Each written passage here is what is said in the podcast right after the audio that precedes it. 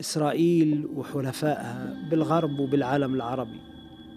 آه، الهدف تاعهم آه، أن تحقق إسرائيل خلال الحرب آه، خلال بعد الحرب ما لم تحققه بالحرب. كان في قرار وطني أنه لا نخلي أي مستشفى. لأنه إخلاء المستشفى هو جزء من التطهير العرقي. أحد أدوات التطهير العرقي هي القضاء على القطاع الصحي وما كنا حنشارك بهذه الجريمة. القدرة الاستيعابية لكل القطاع الصحي بغزة 2500 سرير وإنت إجاكي 35 ألف جريح. صار في عندي قناعة إنه فرص النجاة قليلة. وعلي أني أتصالح مع فكرة إنه فرص النجاة قليلة جدا. فقراءة الحرب بتتم عن طريق قراءة الجروح تاعت الحرب. في الطابق الأول من المستشفى المعمداني وبعد شهر على بدء الحرب الدمار يملأ المكان ودماء جفت على الأرضية تعود لمصابين كثر. منهم من أضحى شهيدا ومنهم من يعاني ألم الإصابة في مراكز اللجوء. الطاقم الطبي المتبقي في المستشفى في أقصى درجات الإنهاك. فجأة من داخل غرفة العمليات يسمع صوت بكاء طفل ولد للتو وكانت الولادة الأولى منذ أسابيع من الموت.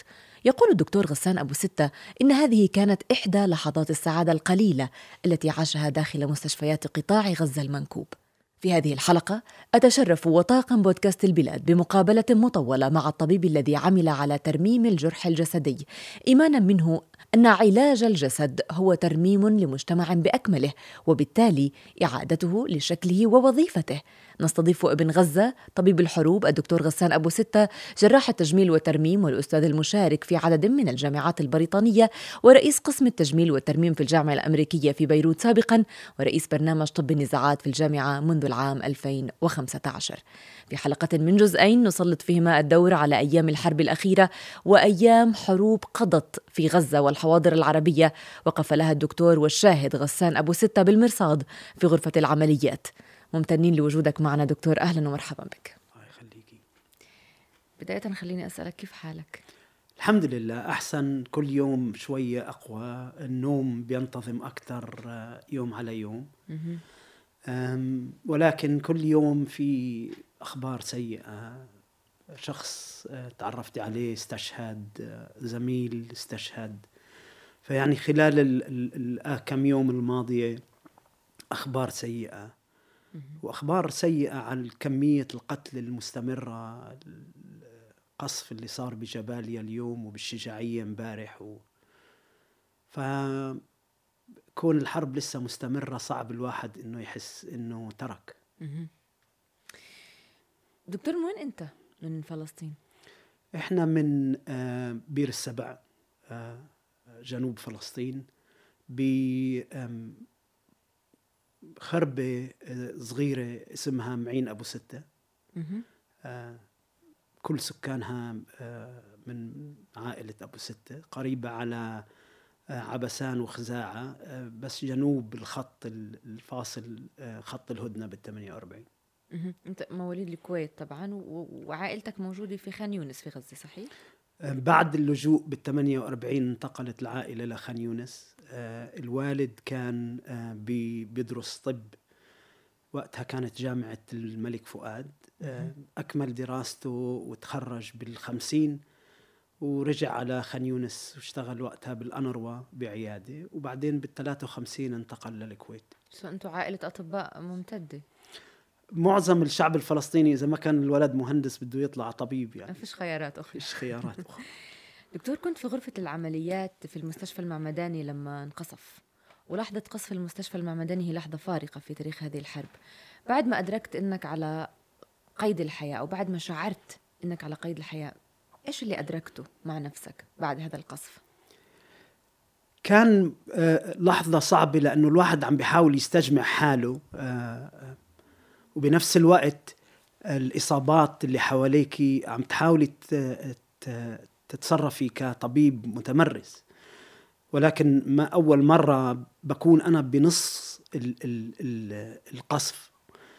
كان قدام القصف محيط فيي يجي ضحايا القصف لعنا. ف لما طلعت من غرفة العمليات وعلى الكوريدور وطلعت على باحة المستشفى لقيت سيارات الإسعاف مشتعلة السيارات مستعلة الباحة مضاءة بسبب النيران الأرض مليانة جثث وجرحى. وقتها توجهت لغرفة الطوارئ لقسم الطوارئ بالمستشفى وبديت محاولة إنقاذ ما يمكن إنقاذه. أول مصاب وصلت له كان عنده بتر بالفخذ وكان بينزف من البتر. بتذكر أخذت حزامه شلحت حزامه وربطت الحزام على فخذته لمنع النزيف. وبعدين رحت دورت أخذت قميص من واحد من المرافقين لواحد من الجرحى وربطت الرباط الثاني لأنه لتوقفي النزيف بدك رباطين. آه وبعدين بدينا عملية الإنعاش وضع الإبرة بالوريد اعطائه آه سوائل. انتقلت لجريح ثاني في شظية برقبته شكله الشظية ضربت واحدة من الأوعية الدموية اللي بالرقبة كان بينزف من الرقبة.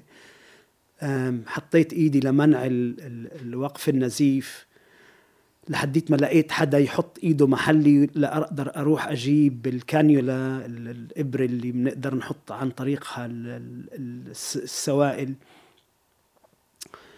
كان وقتها بدأ يمتلئ قسم الطوارئ بالجثث الشهداء وبجرحى وصريخ و وناس عم بتحاول تشد فيكي لتروحي تعالجي أقاربها وكان منظر مرعب. آه، بمرحلة ما أنا ومع المريض المصاب برقبته حسيت حدا حط إيده على كتفي. درت لقيت آه، رجال الإسعاف وصلوا. نقلنا المريض على المصاب على الستريتشر على النقالة. ضليتني أنا حاطط إيدي على رقبته مشان ما ينزف وبالإيد الثانية حملت النقالة مع تعاون الإسعاف وطلعنا من الناحية الثانية من قسم الطوارئ آه، على باحة المستشفى اللي هي كانت مضاءة بالحريق وكان كل الأرض آه، جثث وأجزاء من جثث آه، أشلاء آه، إحنا وماشيين فيه وعم نركض لنروح على الإسعاف. لاحظت على يميني آه، دراع طفل مبتورة على الأرض. وصلنا على الإسعاف حطيناه بالإسعاف. مع الخبط انقطع الملابس الجراحة اللي كنت لابسها وراح التليفون و بس تحركنا فيه وأنا لسه طول الوقت لازم أضلني حاطط إيدي على على رقبته لأنه النزيف بيستمر. وصلنا على الشفاء نقلناه دخلناه على قسم الطوارئ. كنا أول سيارة إسعاف بتوصل آه، على طول آه، لما وصلنا أخذوه على غرفة العمليات لأنه كان ظاهر إنه لازم يروح ما فيك تخليه بقسم الطوارئ. و بعدها على طول بنفس الوقت ببالي إني أنا يومها بعت رسالة لزوجتي ديما إني أنا بالأهلي صباح آه، يوم المجزرة وإنه هلأ الكل فاكر إني أنا بالمستشفى وإذا سمعوا الأخبار آه، آه، حيقلقوا فقعدت أدور على طاقم الجزيرة لأنه هو كان جو بيصور جوا قسم الطوارئ. تليفونك مش معك. وتليفوني مش معي. آه، وصلت عند طاقم الطوارئ وخبرتهم إيش اللي صار. وكان الهدف مش أخبرهم إيش اللي صار إنه بس أطلع على التلفزيون لحد يشوفني إني أنا لسه عايش لحد يخبر. زوجتي والأولاد ووالدتي وإخوتي إني إني لسه عايش. وبعدها صار صاروا يجوا تباعا سيارات الإسعاف والجرحى التانيين. لما تم فرز كل الجرحى والجزء اللي كان لازم يطلع على العمليات طلع وقتها آه، طلعت على مبنى إدارة المستشفى الشفاء بس لا أقدر أشرب مي وأشوف إذا بقدر أتواصل مع العائلة. كان الدكتور أبو سلمية مدير المستشفى هناك والدكتور مروان أبو سعدة هناك. بعد شوي تواصلوا إجوا الشب... الإخوان إنه في مؤتمر صحفي وبما إنك بتتقن اللغة الإنجليزية وبما إنك أنت أحد الشاهد على اللي صار بدنا إياك تطلع بالمؤتمر الصحفي تحكي عن اللي اللي صار. وأظن هي بالمؤتمر الصحفي للعائلة لا قدرت تشوف أول مرة إني أنا لسه عايش. بعد كم ساعة دكتور طلعت في المؤتمر الصحفي؟ من الانفجار. اظن كان مارق ساعتين. أها. واو ساعتين من القلق. ساعتين أنا اللي كنت خ... يعني هذا كان هاجسي إنه بس ما يفكروا إنه صار إشي وكان هاجسي خلال الحرب كله. القلق اللي اللي عرضت عائلتي له يعني. رغم إنه في كتابك سرديه الجرح الفلسطيني كنت ذكرت جملة لديما زوجتك كانت تقول لك مكانك هناك وليس هنا. هي ديما في من من أول ما يعني أول ما ارتبطنا ببعض لبكره إذا صار في حرب جديدة في آه، آه، تناغم كامل بالمفاهيم وبال بال بال بال برؤيتنا للعالم ولدورنا بهذا العالم. آه، أكثر شيء أنا والدتي كنت قلق إنها هي اللي بالرغم من إنه يعني شاركت معي بكل الحروب وكل مرة بحس إنه نفس ال الألم النفسي اللي بيصير عندها يعني وبتخيل كأب أنا هلأ بستوعب إيش اللي بتمر فيه يعني. بالنسبة للمستشفى المعمداني دكتور قصف رغم إنه كان في عندكم تأكيدات من الإسقف في لندن بأنه لن يقصف بأنه حصل على تطمين بأنه لن يتم قصفه. وإحنا بنتحدث عن مستشفى المعمدان اللي هو الأقدم في غزة وتابع للكنيسة الأسقفية. يوم المجزرة آه، آه، مر علينا آه، المدير الطبي للمستشفى. كان تعرض زي كل المستشفيات لتهديد مباشر من الجيش الإسرائيلي إنه إذا ما أخليت حيتم استهداف المستشفى. واليوم اللي بعد ما اجى التليفون آه، انضرب صاروخين على المب... على السور الخارجي تاع المستشفى ونفس الضابط رجع اتصل فيه وهدده و... وقال له ليش ما اخليتوا المستشفى زي ما إحنا قلنا لكم؟ فكان آه، آه، اجى يسأل يعني اولا لأنه في علاقة أنا اشتغلت بالمستشفى بوقت مسيرات العودة ففي علاقة مهنية وأنا بحب المستشفى و... وهي مستشفى قريبة على قلبي لأنه هي بالانتفاضة الأولى كانت المستشفى اللي تستقبل مصابين الانتفاضة الأولى آه، لأنه كان الشفاء تحت سيطرة الإدارة المدنية. فكنت لي عندي علاقة آه، آه، خاصة مع الإدارة فإجوا يسلموا ويطمنونا أنه تواصلوا مع الأسقف وأنه الأسقف تواصل مع وزارة الخارجية البريطانية وأنه كله كان وفي تطمين أنه لن يقصف المستشفى نعم. المعمداني وكان في إحساس إنه هذا المستشفى اللي مرتبط بالكنيسة ببريطانيا لن يقصف. يعني إنه في له حصانة ما بسبب العلاقة الخارجية تاعته إنه ما حيكون معرض للاستهداف. وقصف. وقصف أنا برأيي لد... ل... ل... كاختبار للرأي العام العالمي. يعني إنه آه، اختيار المستشفى اللي أكثر صعوبة تبرير قصفه قصفه. ولما كان الرأي العام العالمي ما كان ردة فعله آه، مدينة آه، مشروع الحرب بشكل الكافي بشكل صحيح. بأي شكل. يعني على طول تم قبول السردية إنه هذا صاروخ فلسطيني نزل بالغلط على المستشفى. توصل الإسرائيلي لقناعة أنه المشروع الأساسي الاستراتيجية الأساسية تاعت الحرب اللي هي تدمير القطاع الصحي آه، ممكنة بدون إثارة رأي العام. وهذا اللي صار. يعني قصف في المستشفى آه، بعدها بدت سردية الشفاء وال آه، السراديب اللي تحت الشفاء. بعد سردية الشفاء تهديد مستشفى العودة. بعدين استهداف مستشفى النصر استهداف المستشفى الرنتيسي استهداف المستشفى السرطان المستشفى التركي.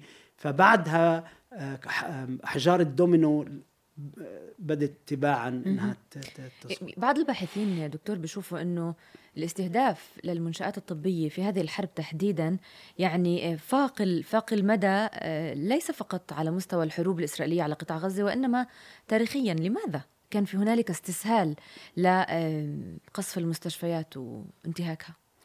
هو الهدف من هاي الحرب هي إفراغ قطاع غزة عن عن طريق قتل أكبر عدد من الناس وتدمير غزة لجعلها غير آه، مكان غير آهل للعيش. وجزء أساسي من أنك تخلقي من مكان آه، تحولي مكان أنه يكون غير آه، قابل للحياة. هو تدمير القطاع الصحي وجرح أكبر عدد من الناس 37 ألف جريح لهلأ. مشان يصير آه، يجبر تجبر السكان على الرحيل بعد ما تنتهي الحرب. إضافة للتجويع والتعطيش. كل يعني إنهاء كل مقومات الحياة آه، الهدف منها اللي هو الهدف الأساسي. يعني أنا دائما بقول إنه هاي الحرب هي حرب بني موريس. بني موريس هو المؤرخ الصهيوني. كتب أول كتاب عن مجازر ال 48 بس كتابه الثاني كان مراجعة لعمله. وقال بهذا الكتاب إنه الغلطة الأساسية اللي, اللي ارتكبتها الحركة الصهيونية هي عدم إفراغ قطاع غزة والمثلث والجليل والضفة الغربية من سكانه. وإنه إذا المشروع الصهيوني عنده أي أمل بالمستقبل لينجح يجب القيام بما قام به الأمريكان مع السكان الأصليين آه، أو قام باي مستعمر استيطاني بأستراليا اللي هي الإفراغ الكامل للأرض من السكان. تواجدت في قطاع غزة دكتور في غالبية الحروب فعليا من 2008 هل هنالك خطوط حمر كنت بتعتقد إنه لن يتم اجتيازها وتم اجتيازها في هذه الحرب تحديدا؟ كانت مستشفى الأهلي بعلاقاته الخارجية. آه، ولكن كان في تعمد بالمجاهرة بتخطي الخطوط الحمراء. يعني أنا برأيي آه، الأطفال الخدج آه، اللي تم قتلهم بطريقة استعراضية قطع الأكسجين عنهم ابقائهم بالشفاء منع آه، إخراجهم من الشفاء ومن النصر. وقتلهم بالنصر ترك الجثامينهم بالنصر بعد قتلهم. بهذه الطريقة الاستعراضية هي آه، آه، جزء أساسي من الترويع.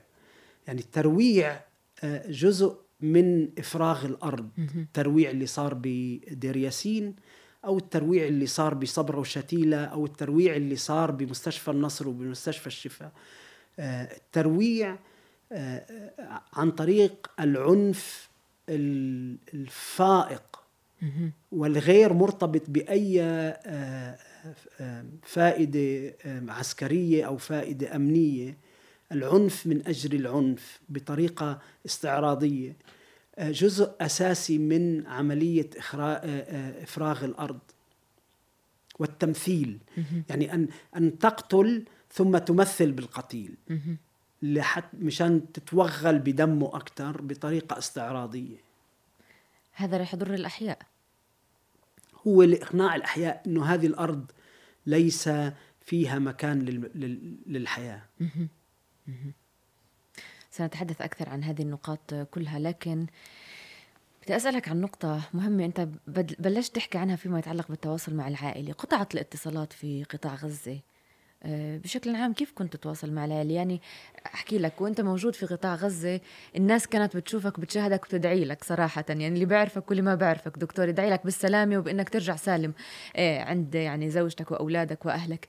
لكن الاتصالات قطعت وصار التواصل جدا صعب. إيش أطول فترة كانت ما قدرتش تتواصل معهم أو كيف كنت تتواصل؟ التواصل مع العائلة كان يتم بكل الطرق الممكنة. يعني في أيام كان يجي الواتساب أبعت مسجات للواتساب. في أيام الرسائل الخطية تاعت التليفون تشتغل.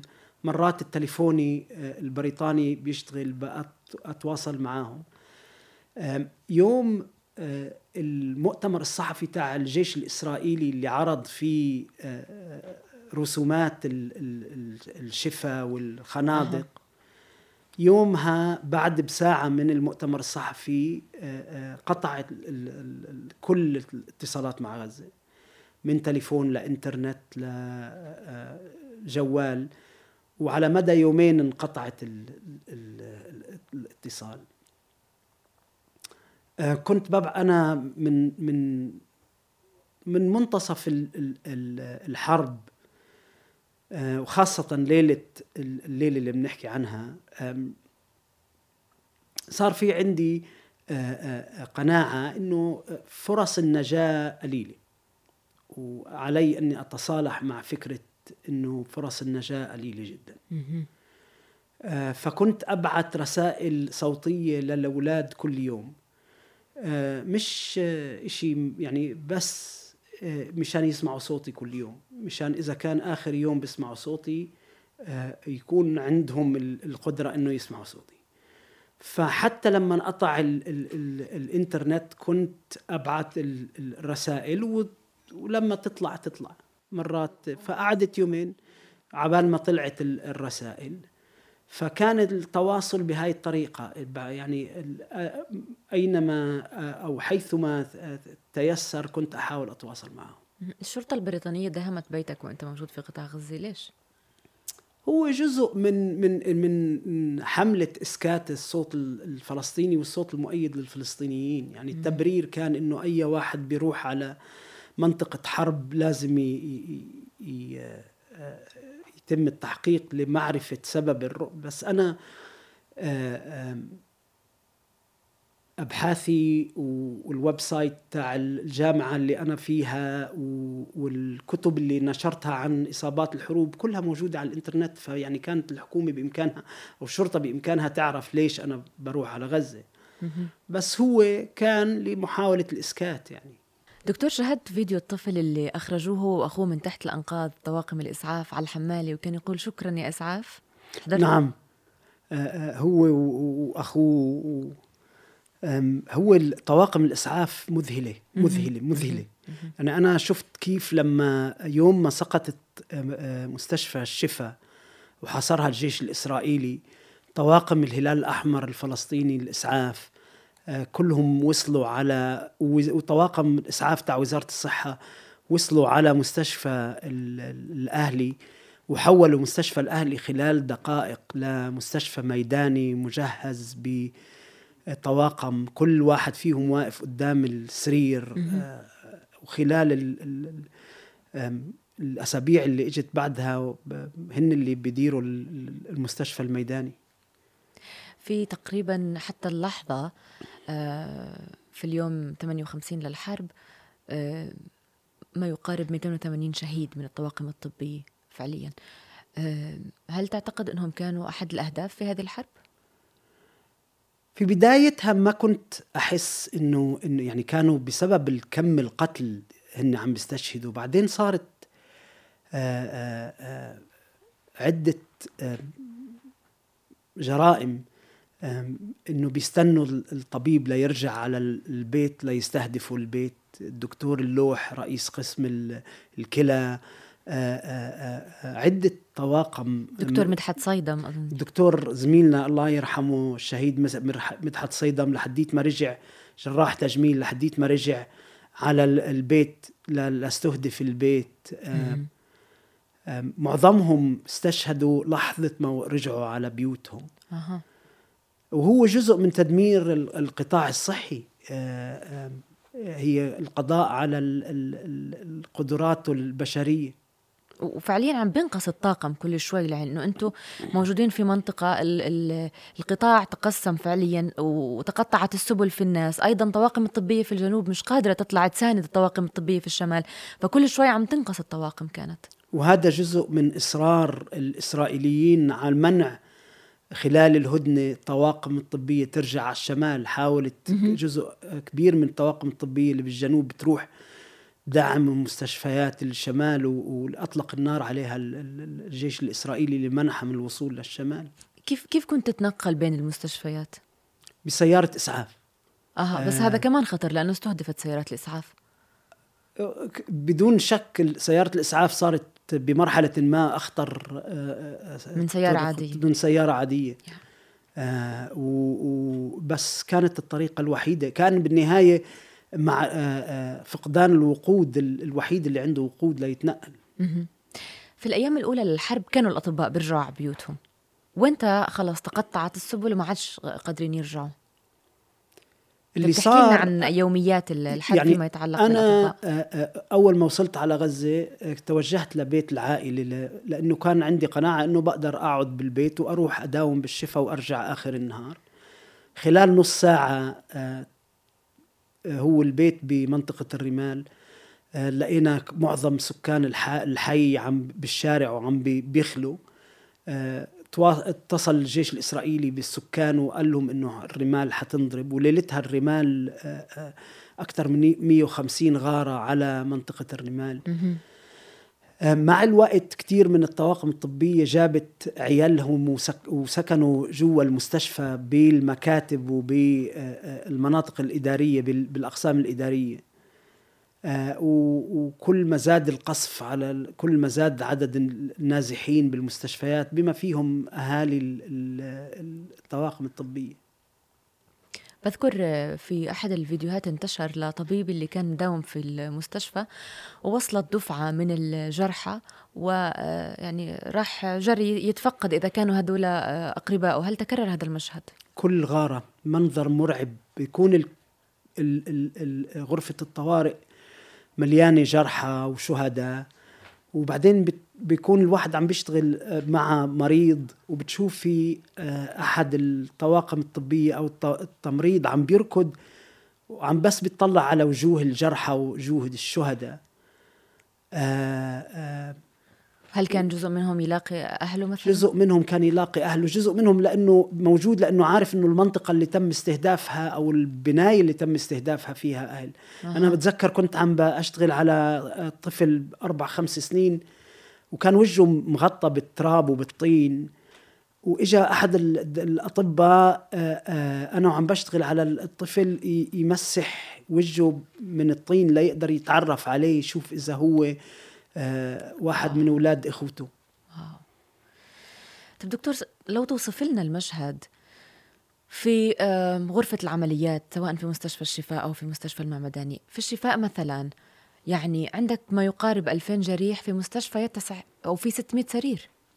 فيوم يوم في في مستشفى في غرفة الطوارئ. عملية الفرز اللي ازدادت صعوبة مع انهيار القطاع الصحي يعني قدرتك الاستيعابية قلت وعدد الجرحى زادت كل يوم كانت صعبة جدا.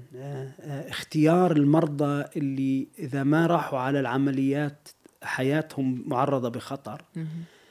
اختيار المرضى اللي صعب إنقاذهم والمرضى اللي بدك بس تضمضي جراحهم لأنه ما في عندك القدرة إنك تاخذيهم على العمليات.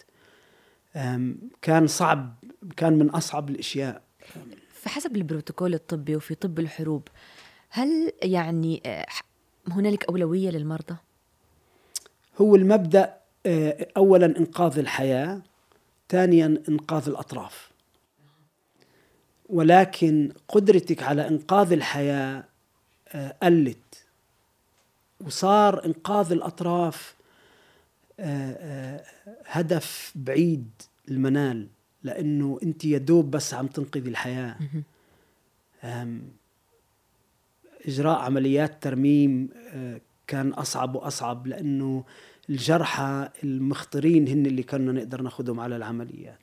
بتذكر في أحد الأطباء في أيضا واحد من المستشفيات لا أذكر الاسم كان تحدث وقال جميعنا بدنا نعمل آه على الإسعافات الأولية. ما عدناش قادرين أنه أصلا نقدم شيء إضافي أكثر من كثرة الجرحى لكن دكتور لما أنت في عندك كمية آه أو عدد كبير من الجرحى آه عدد قليل من المعدات وعدد يتناقص من الطواقم الطبية يعني شو الخطة؟ شو بتعمل؟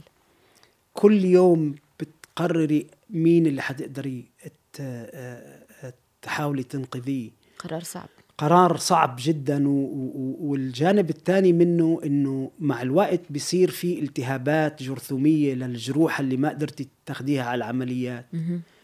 ومع تناقص آه، أدوية التخدير آه، والمورفين المسكنات آه، صار الواحد يجري عمليات تنظيف للجروح بدون أي مسكن وبدون أي مخدر عمليات مؤلمة جدا. بس آه، مع آه، آه، التهابات الجرثومية والخطر اللي بت بتسببه لحياة الجرحى كان ضروري إنه ننظف هاي الجروحة حتى لو كانت مؤلمة جدا شو البدائل اللي يعني اعتمدتوها في ظل عدم وجود المعقمات؟ أنا وبالشفاء لما بدت تتناقص المعقمات رحت كان في بقال قريب على الشفا بديت أشتري آه، علا أناني آه، صابون جلي. آه، وأناني خل. صابون الجلي للتنظيف والخل كمعقم للجروح. أها. وهل قام بالوظيفة؟ قد ما كان بنقدر يقوم بالوظيفة ما كان في خيارات أخرى. طب دكتور لو لو نبين للناس الفرق علشان بس يفهموا. لما بيجيك جريح آه، اللي آه، جرحه أيضا مغطى في في الرماد وفي في التراب في عنده كسر في عنده حرق في عنده آه، مثلا لربما أيضا بتر بوضع عادي بمستشفى عادي كم طبيب بيتدخل لإنقاذ هذه الحالة؟ بيكون في فريق من خمس لست أطباء معاهم طبيب التخدير أيوه. بيتم معاينة المريض تثبيت المريض ونقله لغرفة العمليات أو للأشعة قبل نقله لغرفة العمليات. كان آه، وقت الغارة كل مريض بيطلع له طبيب وكان في طبيب بيركض بين أربع خمس مرضى بس لنثبت المرضى. الأطباء عادة بيكونوا عاملين دورات في كل موضوع تراوما أو الصدمة آه، فيما يتعلق بحالات آه، مثل هذه. الطواقم آه، في غزة يعني من سنوات لربما أو جزء كبير منها لم يخرج خارج القطاع ولربما لم يتلقى هذه الدورات. كيف ممكن يعني يتم التغلب على الأمر؟ هل التجربة ممكن تكون كافية عن أنهم ياخذوا هذه الدورات يعني نظريا؟ بعد حرب ال 14 آه، تم العمل آه، آه، على تدعيم القطاع الصحي بالبرامج إصابات الحروب. دمج اصابات دمج جراحة الحروب ببرامج التدريب تاعت مستشفى الشفاء. مسيرات العودة كانت جزء من النقل النوعي أحدثت نقلة نوعية بالاستعداد عند الطواقم الطبية. بالعكس أنا كان ال ال ال ال يعني كانت الخبرات والقدرات موجودة بدرجة عالية عند الشباب. حتى الأطباء المتمرنين المشكلة إنك أنت قضيتي وقتك أو قضيتي العشر سنين السابقة تستعدي للفيضان واللي اجى موجة تسونامي. آه. وكانت فوق قدرة الجميع. يعني لما تخيلي القدرة الاستيعابية لكل قطاع الصحي بغزة 2500 سرير وانت إجاكي 35 ألف جريح. آه قد ما كان في استعداد. آه كان الهدف هو إغراق ال ال القطاع الصحي وبعدين العمل على تقليص قدرته. استهداف المنهج إلى مستشفى بعد مستشفى ولا عيادة بعد عيادة للتقليل من قدرته على علاج الجرحى. بالطبع قطاع غزة استفاد من خبرتك الطويلة دكتور ومن دراستك في في يعني عواصم مختلفة أو في الغرب تعال نقول. لكن هل استفاد الغرب من تجربتك في قطاع غزة؟ يعني من من بعد ما رجعت من غزة ب بعد ما رجعت بعد الانتفاضة الثانية أنا لأني أخذت ست أشهر إجازة من غير راتب ونزلت على غزة وقت الانتفاضة الثانية اشتغلت بمستشفى العودة. بعدها بسنة كنت بمستشفى بلندن وقت ما صارت تفجيرات المترو بلندن. وأذكر نوع الإصابات اللي اللي كنا بنتعامل معاها آه، كانت إصابات آه، حربية يعني.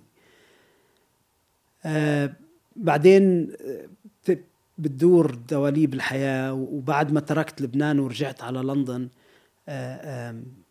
جزء كبير من العمل الأكاديمي اللي بعمله هون هي الأبحاث بإصابات الحروب كجزء من برامج بحثية بجامعة Imperial College بلندن. وأعتقد الطواقم الطبية هناك لربما بحكم شكل الحياة واختلافها غير معتادة على إصابات حروب بهذه الكثافة زي ما زي ما أنت شفت في قطاع غزة. آه بدون أدنى شك يعني ال ال هلأ في جيل أكثر استعدادا للالتحاق بمنظمات زي أطباء بلا حدود أو الصليب الأحمر الدولي. ولكن الأغلبية العظمى من الأطباء بالشمال آه، آه، ما بيشوفوا هذا النوع من الإصابات. دكتور فيما يتعلق ب يعني قطع الماء والكهرباء والتجويع والوقود أيضا يعني مستشفى يعمل بدون وقود. لو جينا مثلا نتحدث عن مستشفى الشفاء وانت اتخذ القرار بأنه يعني ال ال كافة الأقسام تنضم للطوارئ. آه، يعني أنا لما وصلت يوم الثلاثاء على الشفاء آه، كان خطة الطوارئ مبينك لأنه كان القصف له يومين وكان مبين أنه الحرب حتطول. وتم إفراغ كثير من الأقسام من المرضى الروتينيين. ولكن كان كل يوم أسوأ من اليوم اللي قبله. يعني أول مرحلة كان في الأسرة بعد ما تخطوا العدد الأسرة الستمية زادوا أسرة آه، تم إحضار أسرة من من مستشفيات أخرى. تعبوا هاي الأسرة جابوا فرشات وحطوهم على الأرض. تعبوا هاي الفرشات اللي على الأرض. فصار كل يوم محاولة شديدة لاستيعاب الجرحى. وعلى الناحية الأخرى حتى الجرحى اللي يتم علاجهم آه، بيوتهم تهدمت. فما فيك تبعتيه على البيت. فكان إنه المريض ينتقل من جزء من المستشفى لجزء آخر اللي هو النزوح. في الرابع عشر من نوفمبر فعليا تحاصر مستشفى الشفاء. وين كنت موجود؟ كنت كنت في المستشفى؟ آخر آه، أسبوع من آه، الأسبوع اللي اللي سبق هذا كان إعادة تأهيل جزء من المستشفى الأهلي صار وكان بسبب الضغط على العمليات بالشفاء اخذنا نفس القرار إنه أرجع أسير أروح على الأهلي وآخذ مرضى من الشفاء على الأهلي لاعمل لهم عمليات فكان كل يوم آه، آه، أروح من الشفاء على الأهلي أعمل عملياتي أخلص آه، على الأربعة خمسة أرجع على الشفاء أكمل مع الشباب بقسم الحروق. وبعدين صرنا نقدر نعمل أكثر عمليات فصرت أبات ليلة بالأهلي واليوم اللي بعده أروح على الشفاء. يوم آه، كان بدي أرجع على الشفاء بكير الصبح لأنه كنت وعدت أحد الزملاء طبيب آه، ابنه عنده إصابة بالوجه بالغة إني آجي بكير يومها وأعمل له عملية. وكنا بسيارة الإسعاف رايحين من الأهلي للشفاء وعلى آخر الشارع لمحنا ناقلة جند إسرائيلية بتقطع الشارع ولفينا ورجعنا. وكان آخر يوم آه، بقى أشوف الشفاء وليلتها بدينا أصبح مستشفى الأهلي هو المستشفى الوحيد آه، بمدينة غزة بيعالج الجرحى وصار يجي مصابي الغارات الإسرائيلية على الأهلي. دكتور طبيب في مستشفى عادي في مدينة أخرى كم عملية بيعمل باليوم معدل؟ حسب التخصص وحسب طول العملية أربع خمس عمليات بس بيعمل عم... يومين عمليات بالأسبوع ثلاث عمليات بالأسبوع. أنا آه، آخر يومين ما قدرت أعمل فيهم عمليات بس على 41 يوم كنت عم بعمل 10 ل 12 عملية كل يوم آه، بدون توقف. واو. وهم في ظل هذا الكم آه، الكبير من الجرحى ونوعيات هذه الإصابات هل كانت هذه العمليات أغلبها ترميم ولا أغلبها بتر؟ ببداية الحرب كان الواحد بيقدر لسه يعمل عمليات ترميم أه.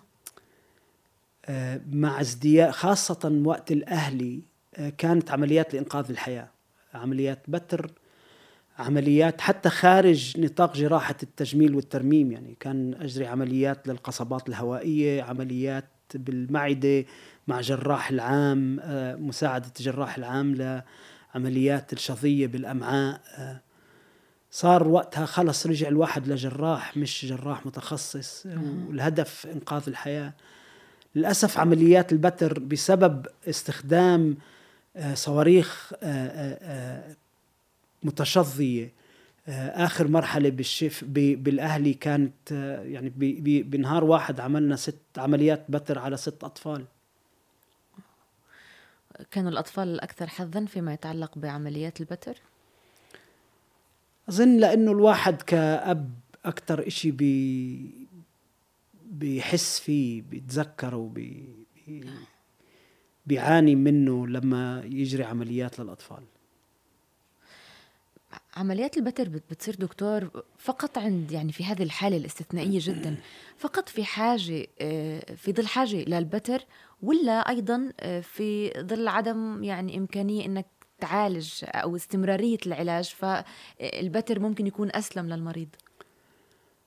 آه، في نوعين من البتر. في البتر الأولي اللي هو بتصير البتر لحظة الإصابة.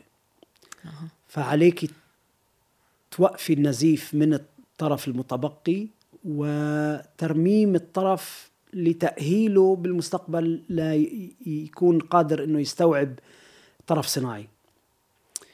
البتر الثانوي اللي هو بيجرى لطرف غير قابل للترميم أو غير قابل للحياة. يعني الإصابة بالغة إنه إنقاذ الطرف غير ممكنة.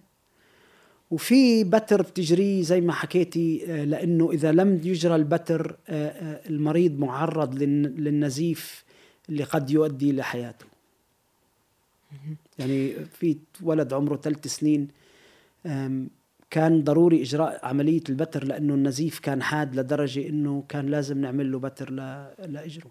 فيما يتعلق بالطواقم الطبية. في بداية الأمر كان في شوية وقود في المستشفى في احتياط في شوية مي أكل. ربما كانوا بيقدروا يرجعوا على بيوتهم يجيبوا أكل ويرجعوا. وانت بلش الأمر يعني آه، يتراجع آه، أو وانت اللحظة اللي تراجعت فيها الأمور في المستشفيات؟ كان الانهيار تدريجي يعني أكثر من مرة بسمع من الشباب كانوا إنه بده ينقل على المستشفى لأنه بطل فيه وقود لسيارته. أو لأنه نقل عائلته للمستشفى أو لأنه راحت بيوتهم. يعني بمرحلة ما كل الأطباء اللي بقسم ال ال ال الحروق والتجميل بيوتهم راحت. ف وأنا أذكر آخر ليلة كان لي بالانصراط قبل ما أترك. الغارات بانصراط الإسعاف ما قدر يطلع يجيب الجرحى لأنه ما كان في وقود بالإسعاف وإجوا الجرحى على المستشفى بالكارة. اللي هي العرباية اللي بجرها الخيل العربايه اللي بجرها الحمار. فيما يتعلق بموضوع الراحة للطبيب في هيك وضعيه كيف كان شكل الاستراحة؟ آه إذا صار في أي تأخير بين العملية والعملية واحد بيتمدد على طول وبيحاول يسكر عيونه شوي.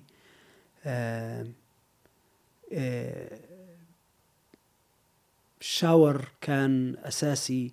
أول المرحلة بالشفاء كان الشاور مقبول لما انضربت مراكز التحلية تحول المي لمية بحر وباردة بس الواحد كان يحاول ياخد شاور آه، لينشط حاله كل يوم.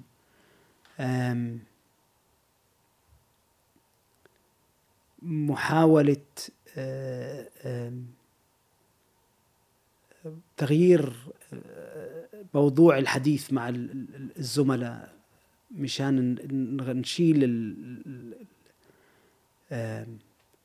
التركيز عن الكارثة اللي بقدامنا الدعابة لحاول تخفيف الجو المختقن عن شو ممكن يكون الحديث؟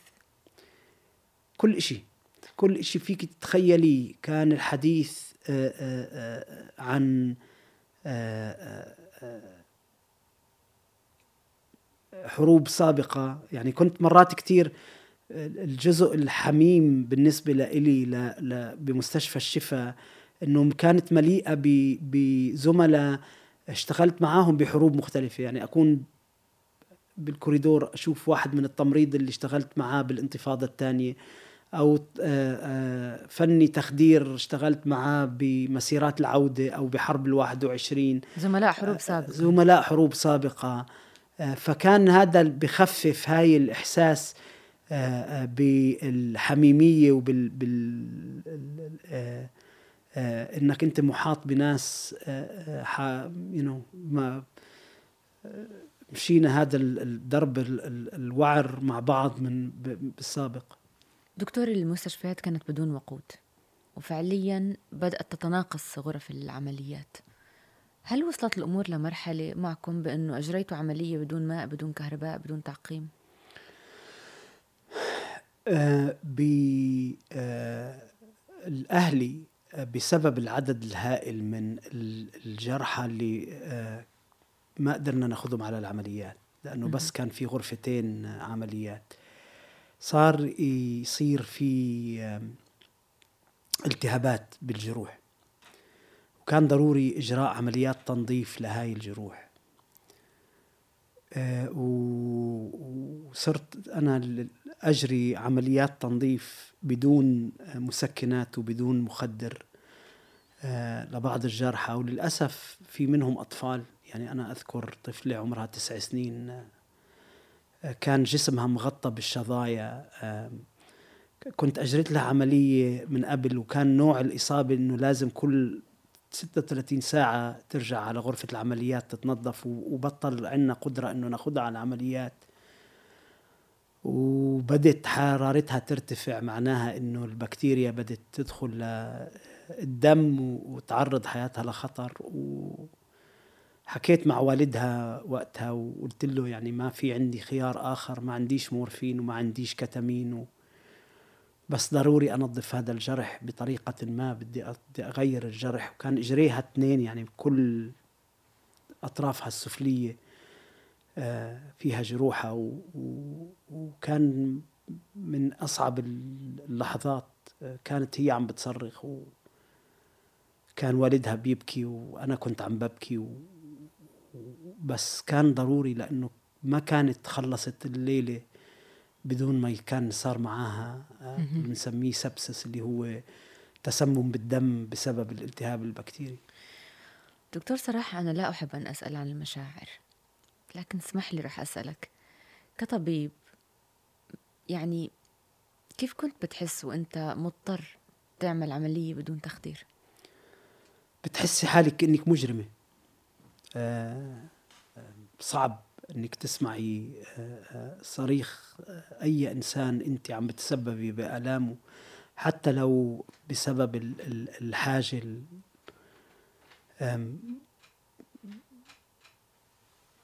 يعني كانت من أصعب التجارب. هل كان في بديل؟ ما كان في بديل. إحنا خلال أسبوعين ثلاث أسابيع من الحرب انتهى المورفين.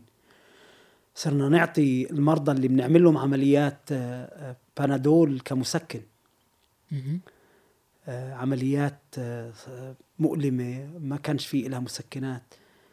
وبعدين لما خلص الكتامين وهو الكتامين آه، دواء بدائي جدا هلأ معظم اللي بيستخدموه أطباء الطب البيطري. لما خلص الكتامين بالأهلي اضطرينا نستخدم نصير نعمل لهم هاي العمليات بدون. بس ما كان في خيار آخر. يعني يعني في واحد آه، عنده بتر بدراعه من كتر ما آه، كان الوضع صعب عنده كان في يرقات الدبان جوا الجرح وتحولت إلى ديدان يعني.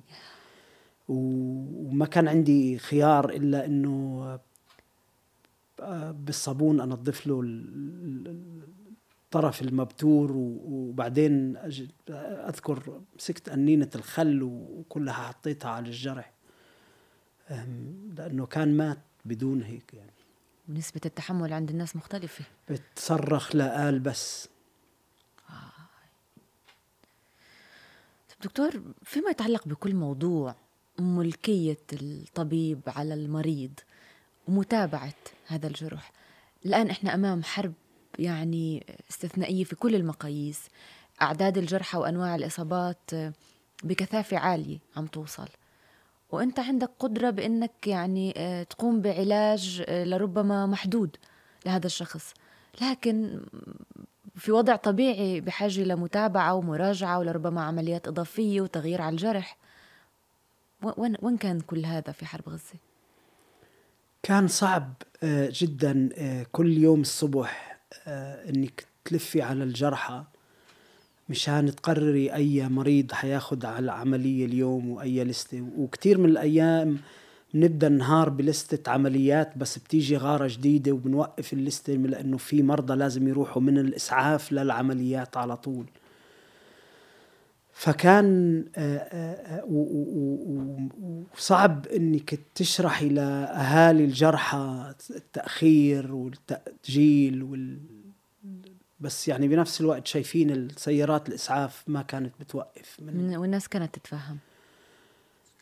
الناس كانت تتفهم حتى بالرغم من إنه مش قادرة تستوعب هي ألمها وألم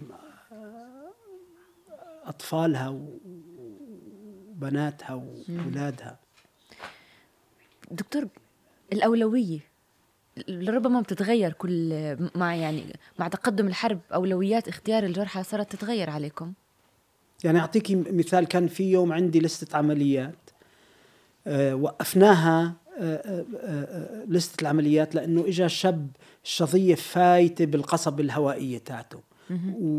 واحدثت نزيف عم بيختنق يعني عم بيختنق اجى عم مش قادر يتنفس وسكرت القصبة الهوائية تاعته.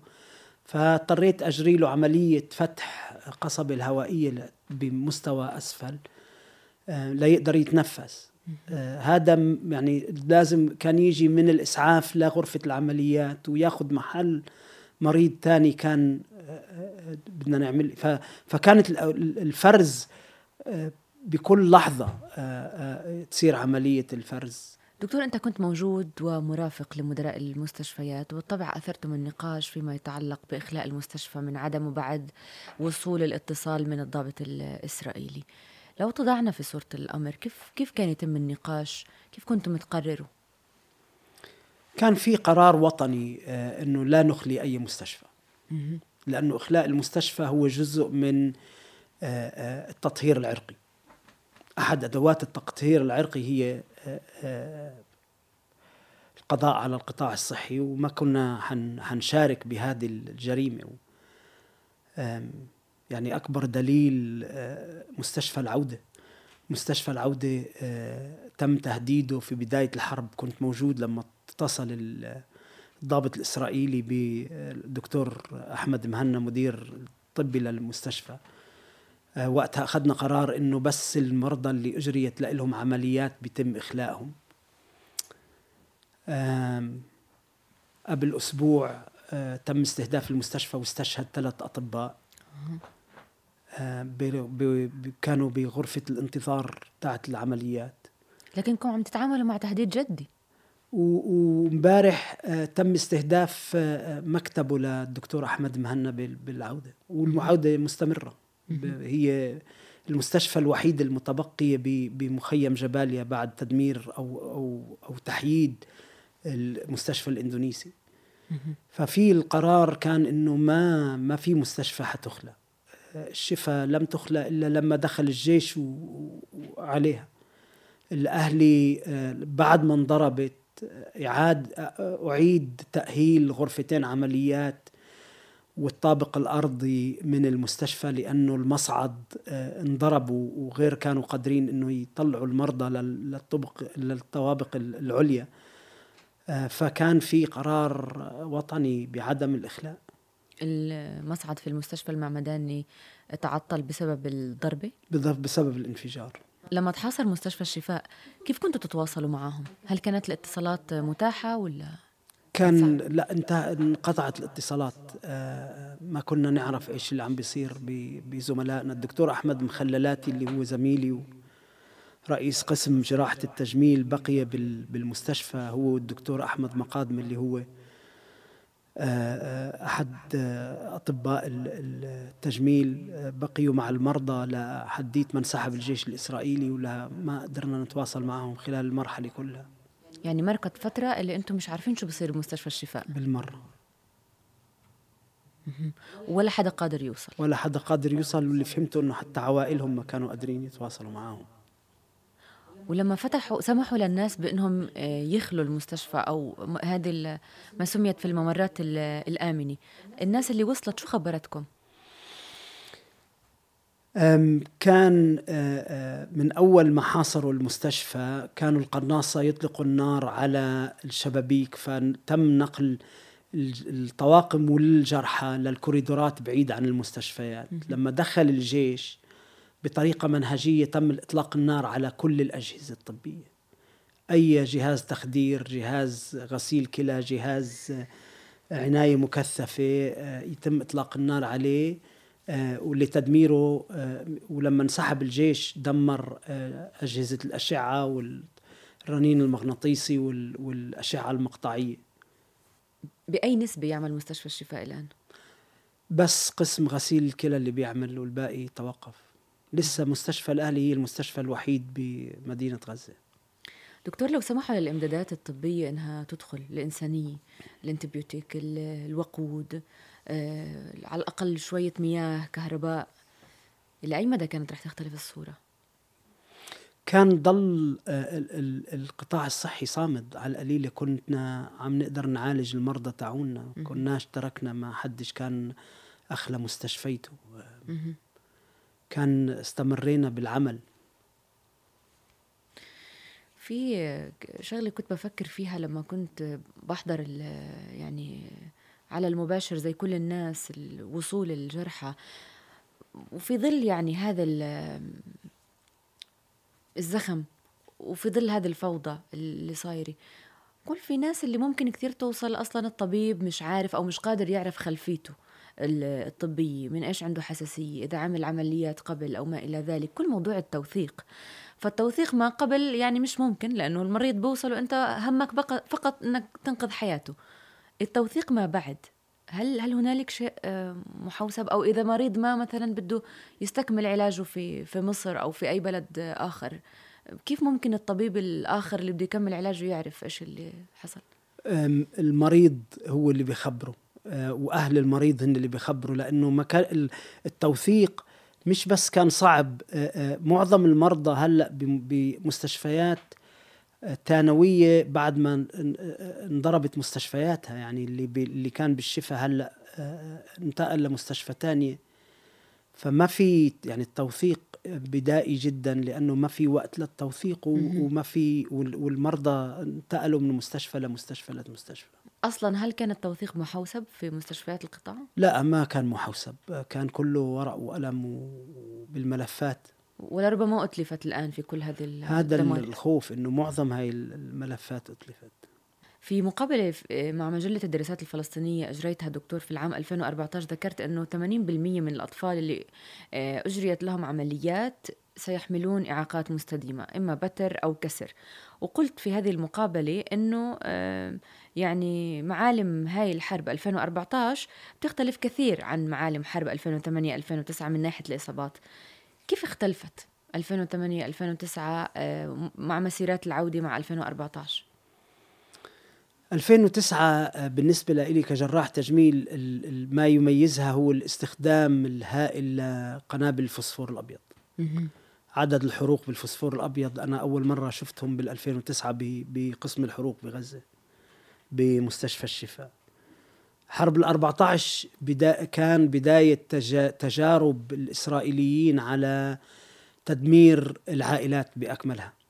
آه، كان قصف بنايات سكنية بقنابل معدة لاختراق التحصينات آه، وإزالة عوائل بثلاث أجيال من السجل المدني. آه، وبدأ الإسرائيلي بسردية أنه كانوا قيادات المقاومة كلهم متخبيين بالشفا وبدأ يطرح فكرة الاستهداف للشفا آه، إصابات مسيرات العودة كان الهدف منها آه، إحداث الإعاقة أكثر من القتل وإحداث الإعاقة الدائمة عن طريق القمص على الأطراف. فالإصابة آه، والجرح تاع إصابة الحرب تعطيكي قصة الحرب فقراءة الحرب بتتم عن طريق قراءة الجروح تاعت الحرب يعني إلى أي مدى تستطيع غرف العمليات أن تكشف أن الحروب ساح يعني ساحات للتجارب على البشر؟ آه بسهولة لأنه بكل حرب بتكتشفي في سلاح جديد آه، نازل وبعدين بعدها آه، بصير هذا السلاح أحد أهم ما تصدره الصناعات الإسرائيلية. يعني هاي الحرب آه، في صاروخ بيتشظى كل الصاروخ. تم استخدامه آه، بتزايد بهاي الحرب واستخدامه كثير بآخر أسبوع. آه، المسيرة الطائرة المسيرة الكواد كوبتر اللي هي طائرة صغيرة في عليها بندقية آه، بندقية قناص استخدمت بمسيرات العودة كتجربة وهلأ تم استخدامها بهاي الحرب على نطاق واسع الفوسفور الأبيض استخدم ببيروت ب 82 وبعدين تم تحسينه واستخدامه بعد كل هاي السنين آه، بالفلوجة وبعدين بغزة هل هنالك إصابات شهدتها في هذه الحرب لم تشهدها في آه، سابقاتها؟ آه، هذا الصاروخ المتشظي كانت شاهدت شبيه له بالانتفاضة الثانية. كان اسمه فلاتشت بوم اللي هو كان بس آه، زي القنابل العنقودية المليئة بالمسامير. بس إنه نفس القنبل نفس الصاروخ يتشظى إنه الوعاء الخارجي للصاروخ يصير جزء من الشظايا. هذا كان جديد. في مؤتمر صحفي سابق آه، لك دكتور ذكرت إنه في هذه الحرب إنك بتقدر إنه هنالك 900 طفل آه، في قطاع غزة خضعوا لعمليات بتر الأطراف. هذا ما قبل الهدنه وهو عدد مهول فعليا. لربما كانت الحالات موزعة على مستشفيات القطاع لكن أيضا هذا بشكل ضغط كبير على في عدد العمليات. هل بدأت عمليات البتر تحديدا مع بداية الحرب ولا يعني آه، بعد بعد ما من أول الحرب فعليا. من أول الحرب كان بيجي أطفال. ما هي المشكلة لما آه، تنهار العمارة على الطفل جزء كتير من الأطراف يتم تهشيمها. وكان من بداية الحرب. هلأ النسبة تزايدت مع تغير الأسلحة المستخدمة. عندك قدرة في غرفة العمليات تعرف شكل آه، الاستهداف من شكل الإصابة؟ عندك القدرة أنك تعرف المكونات الأساسية للسلاح. أه. يعني الفسفور الأبيض الحرق تاعه يختلف عن القنابل العادية. القنابل المكونة آه، من آه، آه، مواد حارقة بيختلف إصاباتها عن القنابل العادية. الطلق الناري بسبب القناص بيختلف عن الطبق الطلق الناري العادي. هذه الصواريخ الانشطارية المستخدمة البتر فيها بيختلف عن البتر بسبب التفجيرات العادية. آه، يعني لما أو كيف شكل الإصابة بيكون لما آه، بيكون البيت استهدف بصاروخ؟ معظم الإصابة بيكون سببها آه، انهيار السمنت على الجسد فبيكون في تهتك من نوع مختلف بالإصابة. يعني أغلب البتر جايين من هذا السبب؟ بالضبط. أه. من سقوط العواميد السمنت على على الجسم. طب فيما يتعلق بالفسفور الأبيض دكتور آه شو مدى وعمق الحرق اللي بسبب الفسفور الأبيض؟ وهل فعليا ممكن يرجع يشتعل حتى بعد العلاج الأولي؟ الفسفور الأبيض لأنه حرق كيماوي آه آه مادة الفسفور تشتعل عندما تت تكون بأكسجين. فبيستمر الحرق حتى ينقطع ينقطع الأكسجين عن شظية الفوسفور. وهذا بيصير لما توصل شظية الفوسفور لجوا الجسم. يعني أنا الولد اللي عمره 13 سنة اللي أول ولد بهاي الحرب عالجته كان الحرق بيوصل للعظم واو. آه والده لحديت ما وصل للضلوع. في مقال سابق لك ذكرت إنك مضطر إزالة كل قطعة جلد وصلها الفوسفور الأبيض. لأنه عنده في موجود في معجون مثبت. فلحظة ما تشيلي حوالينه الأنسجة ويرجع يتعرض لل يتعرض للأكسجين بترجع بتولع الفوسفور. شو المصير الطبي للإنسان اللي تعرض للفوسفور الأبيض؟ درجة الحروق وعمقها وصعوبة ترميم وصعوبة الإصابة والإعاقة أعلى بكتير من الحرق العادي. يعني كنت في العراق وشاهدت ما بعد الحرب مسار الحروق الناتجة عن استخدام الفوسفور الأبيض. بعد بوقت كيف بيصير شكلها؟ ال ال الإعاقة بسبب التليفات أعلى بكتير من الحروق العادية. الإعاقة بالأنسجة اللي بتفقد أي ليونة لإلها. تختلف. في دكتور السلاح الأمريكي RX 9 Hellfire المعروف باسم النينجا قيل إنه يسقط لا يحدث صوتا آه، ولكن آه، من شأنه إنه يقطع الأطراف. ما هي الآثار الناجمة عن آه، هذا الصاروخ اللي كنتوا تشوفوها بغرفة العمليات؟ أنا آه، عندي قناعة إنه هو هذا الصاروخ اللي استخدم بمستشفى الأهلي. آه، بسبب أنواع البتر اللي رأيناهم بسبب نوع الإصابات اللي رأيناها. واستخدم عدة مرات بعدها. يعني لما أثبت نجاحه صرنا نشوف أكثر آه، إصابات منه. الجرح بسبب الانفجار العادي مليء بالتراب وبالحجر والصخر وال اللي هي بينفجر الصاروخ وبكل بتصير الأرض هي جزء من الشظايا. هذه الشظ... هذا الجروح من هذا الصاروخ آه، أنظف ما فيها تراب ما فيها حجر. آه، البتر فيها زي المقصلة. آه، حافة الجرح مش محروقة زي القذائف العادية. نظيفه ومدببه زي اللي إنه الأنسجة قصها منشار. واو. أها.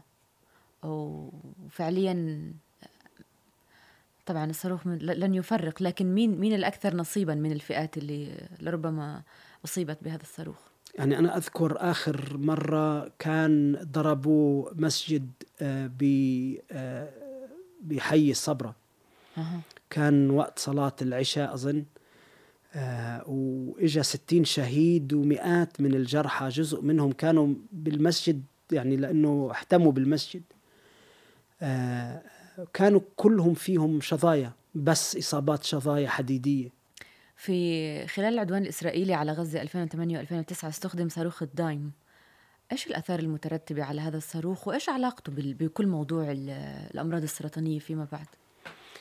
هلا الدايم لأنه معمول معمول من مادة الكوبولت اللي هي أحد المعادن الثقيلة. آه، بتجارب الجيش الأمريكي هي وعم بيطور هذا بيطور هذا السلاح. آه، آه، ببعض التجارب اللي نشرها فرجى إنه بيحدث تحول سرطاني بالأنسجة.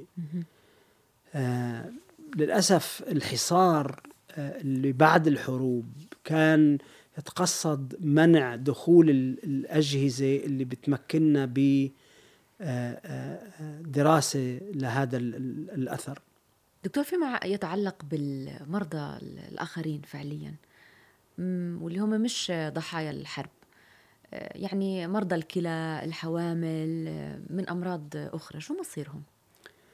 لما انهار القطاع الصحي آه، بشمال غزة بدينا نشوف بالطوارئ بالأهلي أطفال عندهم سكري أطفال عندهم أمراض مزمنة لما انهارت مستشفيات الولادة صار بأزمة بال بالأهلي لإيجاد طبيب نساء وتوليد لمحاولة إجراء بعض عمليات القيصرية آه، الحياة بأمراضها بتستمر وقت الحرب فلما ينهار القطاع الصحي المرضى اللي هن عندهم أمراض مزمنة بتصير أمراض قاتلة أجريت عشرات العمليات دكتور لربما المئات في الأيام اللي قضيتها في قطاع غزة في هذه الحرب لكن مين من الناس آه، عالق في ذهنك؟ تعرفي آه، آه، كلهم بتضل بتتذكريهم بأوقات مختلفة خاصة الأطفال. الأطفال هن أكثر مرضى بتضلك بتذكر بتتذكري وجوههم بتتذكري أساميهم. أنا أذكر أطفال اللي عالجتهم بال 2014 أذكر الأطفال تاعون هاي الحرب وأذكر أطفال الحروق تاعون حرب 2009 أذكر الأطفال الحرب السورية اللي عالجتهم بلبنان و... وأذكر أطفال اللي عالجتهم بالعراق وباليمن صعب كتير إنك تنزي هدول الأطفال وين اتخذت قرار الخروج من غزة وكيف خرجت؟ بعد وصولي للانصارات آه، بالمنطقة الجنوبية. كان القرار أني أنا بأكمل عملي بواحد من مستشفيات الجنوب.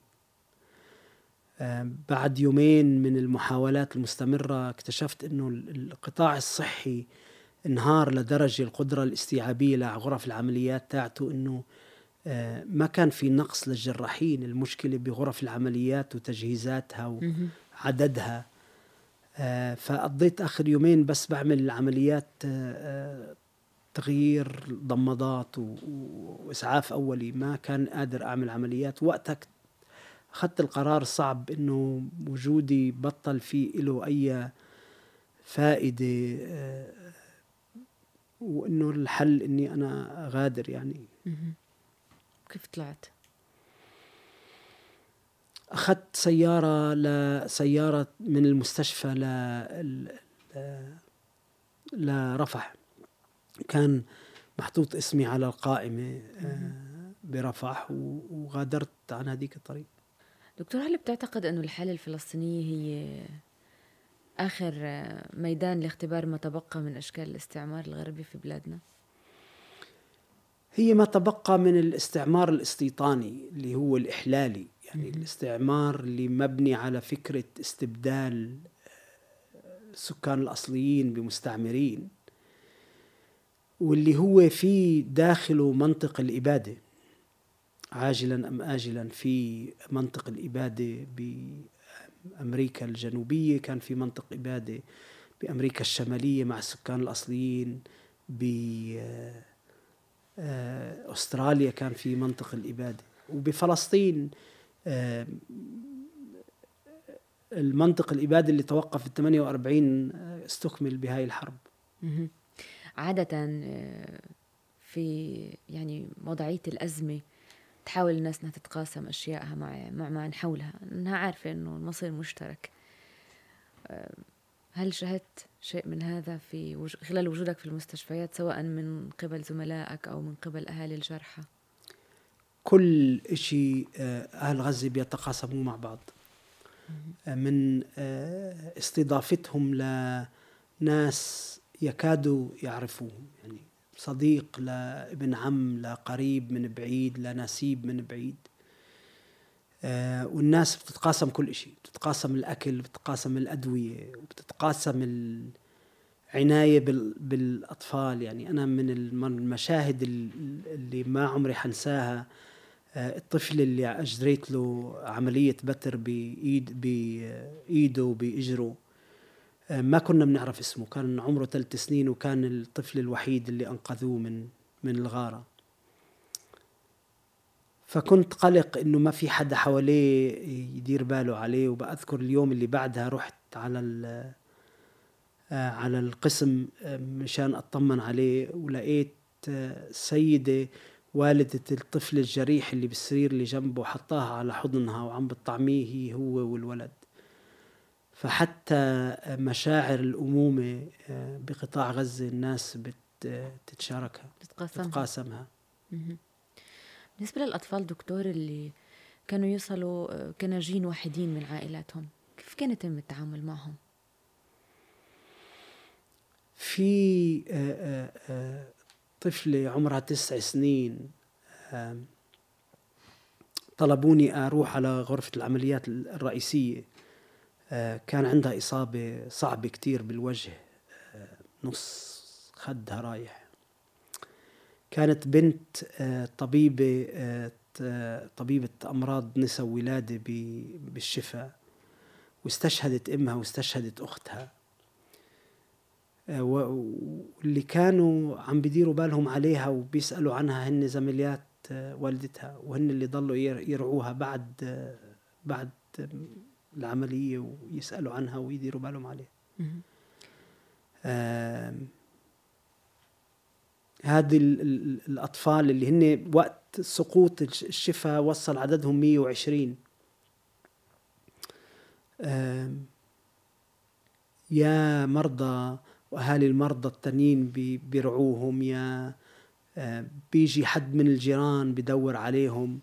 120 طفل اللي فقدوا عائلاتهم بشكل كامل. وكانوا مصابين. يعني في أطفال ما كانوا نعم. مصابين فقدوا عائلاتهم كامل. هدول الأطفال وبس بمستشفى الشفاء. يعني إحنا بال... بالأهلي كان عندنا أربعة خمسة منهم. خلال أسبوع صار عندنا أربعة خمسة. آه.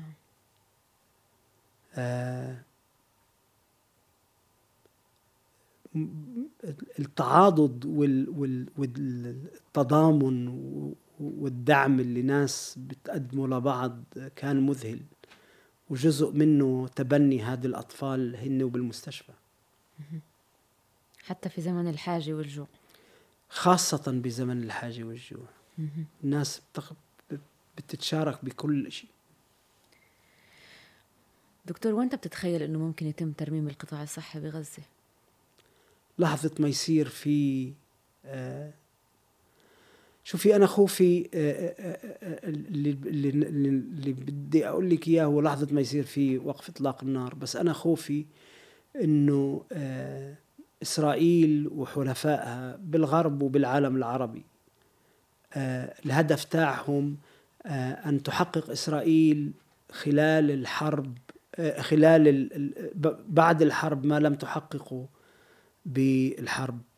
خلق آه، حياة صعبة آه، منع إعادة البناء إعادة الترميم إعادة آه، علاج إيصال العلاج للجرحى حتى يرحل سكان غزة من تبقى منهم ومن نجا منهم من الحرب يرحلوا عن البلاد بعد الحرب. يعني استمرار الإبادة بأشكال أخرى. بالضبط. دكتور غسان أبو ستي شكرا جزيلا لك. شكرا لك.